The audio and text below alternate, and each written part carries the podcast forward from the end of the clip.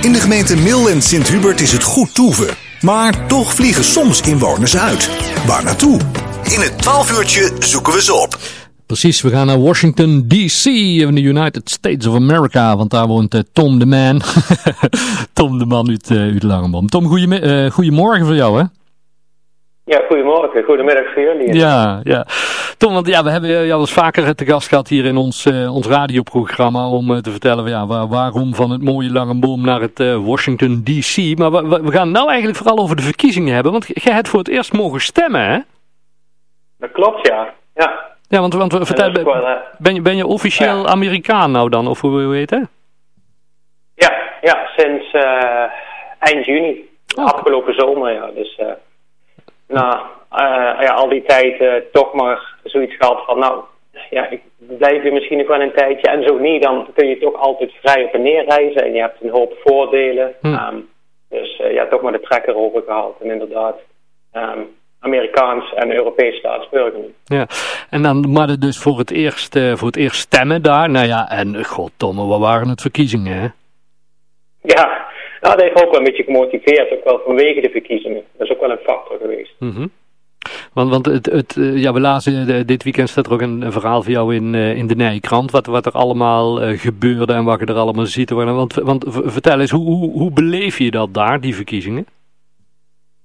ja, het is uh, nou, dag en nacht het nieuws gaat eigenlijk alleen maar over, over de verkiezingen. En um, ja, de rest van de wereld bestaat op het moment helemaal niet. Um, en ja, je hoort ook iedereen erover praten. Vrienden, maar ook collega's. En uh, de hele stad hangt vol met borden en posters van stem op die, stem op die. Hm. Want het is natuurlijk niet alleen presidentsverkiezingen, ook uh, gemeenteraadsverkiezingen, senaatsverkiezingen, uh, Tweede Kamerverkiezingen, zeg maar. Dus hm. ja, het is debatten, debatten, debatten. Je wordt er mee gebombardeerd. Ja, was het voor jou uh, moeilijk uh, om uh, te zeggen op wie dat je ging stemmen? Om een keuze te maken? nee, niet echt. Nee, ik had de keuze vrij snel aangevinkt. Ja, nou ja, en, en dan, dan wat we in jouw artikel ook lazen, dan, ja, dan zijn de verkiezingen klaar en dan zit inderdaad voor de televisie, nou, laat de uitslag maar komen, maar dat duurde even. Dat klopt, ja. En nou, hadden we wel een beetje verwacht, vanwege de poststemmen, natuurlijk vanwege de corona... Uh, wist je dat het langer ging duren, maar stiekem hoop je toch dat die avond de beslissing valt. Mm -hmm. um, maar ja, dat deed ik niet. We bleven allebei tot vier uur op. Ja, en toen uh, zeiden ze van het kan nog wel een paar dagen gaan duren. En toen, ja, ja. toch maar een paar uh, uur naar bed gegaan. Ja, want, want jouw vrouw Amanda, dat is een, Amanda, dat is een echte Amerikaanse. Ja. En, en leeft het bij, bij, bij in haar familie zeg maar anders dan, dan bij jou als, als import-Amerikaan? Uh, nee, ik denk toch wel hetzelfde. Vooral ik heel nerveus en ja, iedereen wist natuurlijk wat er op het spel stond. Um, wat ik wel heel frappant vond is als ik uh, in Washington naar het nieuws kijk en je hebt dan reclameblokken, dan is het allemaal Biden, Biden, Biden. Mm -hmm. uh, want ja, Trump weet dat hij hier eigenlijk geen advertenties hoeft te plaatsen, want is weggegooid geld. Hm. Maar in Kansas was het dus net andersom. Dan was het dus allemaal Trump, Trump, Trump. En we samen gaan het nepnieuws aan. En alleen Amerika. En niemand profiteert nog van ons. En ja, Hm. dat is zwaar waard. Nu, nu ja, het ziet er dus naar uit dat, dat, dat Biden dan uh, echt gewonnen heeft. Al zegt Trump uh, volgens mij niet, hè? want die, die is er nog niet helemaal mee eens. Maar hoe, hoe is het nu in Washington? Want jij woont echt midden in, in de stad? Stad? Ja, ja, we wonen. Ja. En dat... 20 minuten van het Witte Huis af, dus uh, oh. niet zo heel ver van die uh, school af. Nee.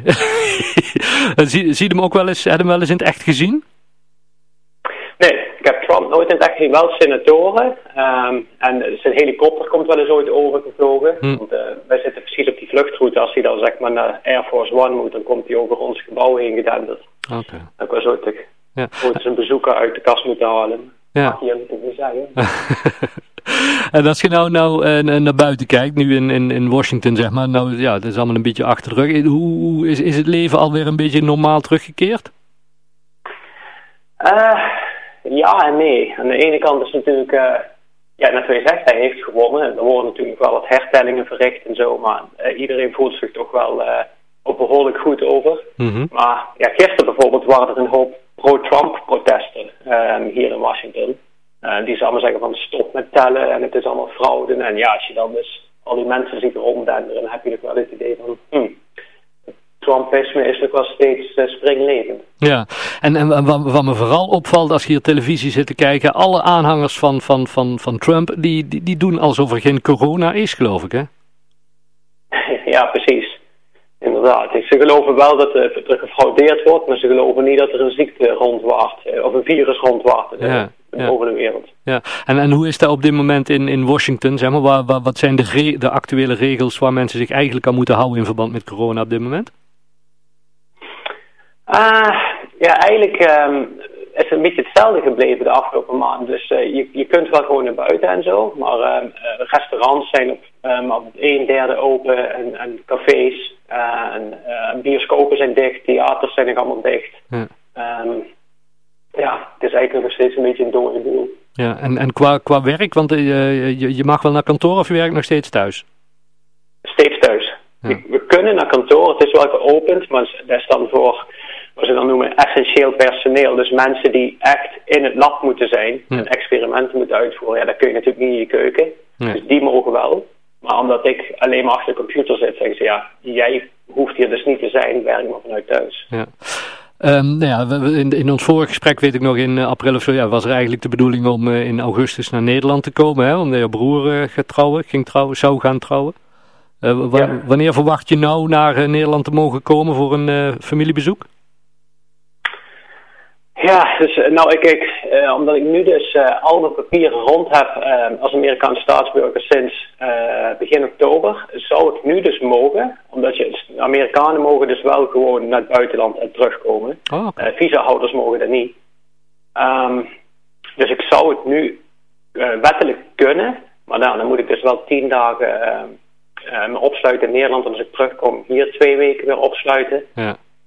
Um, en ik weet niet of Amanda mee kan. Nee. Want uh, ik heb ook gehoord dat die soms dus um, niet, ja, niet kunnen. Zeker niet uh, landen die op code rood staan. In Amerika zit daar dus tussen. Ja, nee, dus op, op dit moment is het nog even niet reëel om te zeggen... ik ga even weer uh, op bezoek bij ons moeder. Nee, nou, ik, ja, nee, ik, ik, ik, zit er nou aan te denken misschien dan alleen te gaan of zo. Maar ja, ja weet je wat het is? Er zijn ook verschillende familieleden die dan weer bij de risicogroep horen... en de wil ik dan ook weer niet over me halen. Dus het, is, ja, het is een hoop wikken en wegen. Laten we hopen dat het snel allemaal een beetje uh, gewoon is. Je bent ook wel enigszins betrokken bij ontwikkeling van vaccins en zo, toch? Klopt, ja. Dat gaat ook gewoon door. Ja. en hoe, hoe staat het uh, daarmee in, in Amerika? Want hier horen we van alles dat in, vanuit Engeland uh, zou het bijna zover zijn dat er een werkend vaccin is. Hoe is het in Amerika?